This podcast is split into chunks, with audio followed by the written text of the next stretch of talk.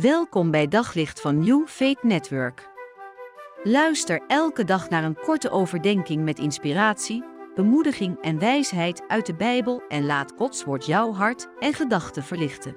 In Johannes 1, vers 14, daar lezen we: Het woord is mens geworden en heeft bij ons gewoond, vol van goedheid en waarheid, en we hebben zijn grootheid gezien, de grootheid van de enige zoon van de Vader. Het is Johannes die zegt: Het woord is mens geworden. En dan zien we meteen dat Johannes het kerstfeest heel anders benadert dan bijvoorbeeld Lucas. Johannes benadert het meer van boven en Lucas meer van beneden.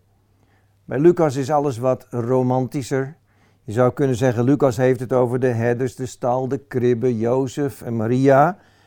En daarom klinkt het kerstverhaal bij Lucas altijd wat meer uh, voor de mens om het te vieren.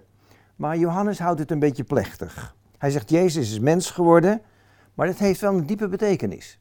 Want omdat Jezus mens geworden is, konden we er beter bij.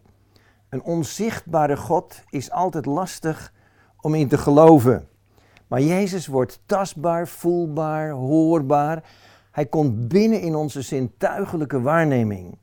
En dat maakt het een stuk plezieriger. Want door Jezus kregen we ook een beeld van de liefde van God.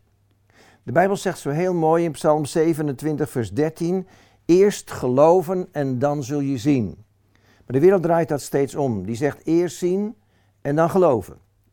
Maar ja, als ze het zien, dan geloven ze het eigenlijk nog niet. Want dat was ook de reden waarom God zijn zoon zichtbaar maakte. Hij zei: Jullie willen zo graag eerst zien en dan geloven. Dus mijn zoon is zichtbaar, hoorbaar, tastbaar. Je kunt erbij komen. En toch bleef het ongelooflijk voor heel veel mensen. God deed er dus alles aan om zichzelf zichtbaar te maken door middel van zijn zoon Jezus. Met kerst schakelt hij zelfs uh, engelen in om bekendheid te geven aan de geboorte van zijn zoon. Het zijn ook de herders die uh, de eerste zijn die geconfronteerd worden met engelen. En dat is heel bijzonder. En ze waren ook meteen bevreesd. Het is ook om die reden dat engelen heel vaak moeten zeggen: wees niet bevreesd. Voordat de zonde in de wereld kwam, was er ook geen vrees.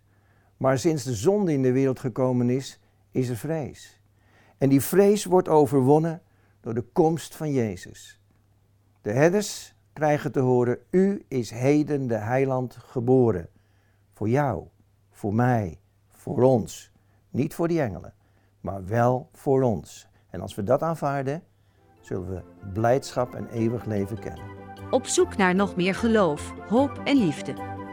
Op New Faith Network vind je honderden christelijke films, series en programma's. Nog geen lid? Probeer het 14 dagen gratis op newfaithnetwork.nl.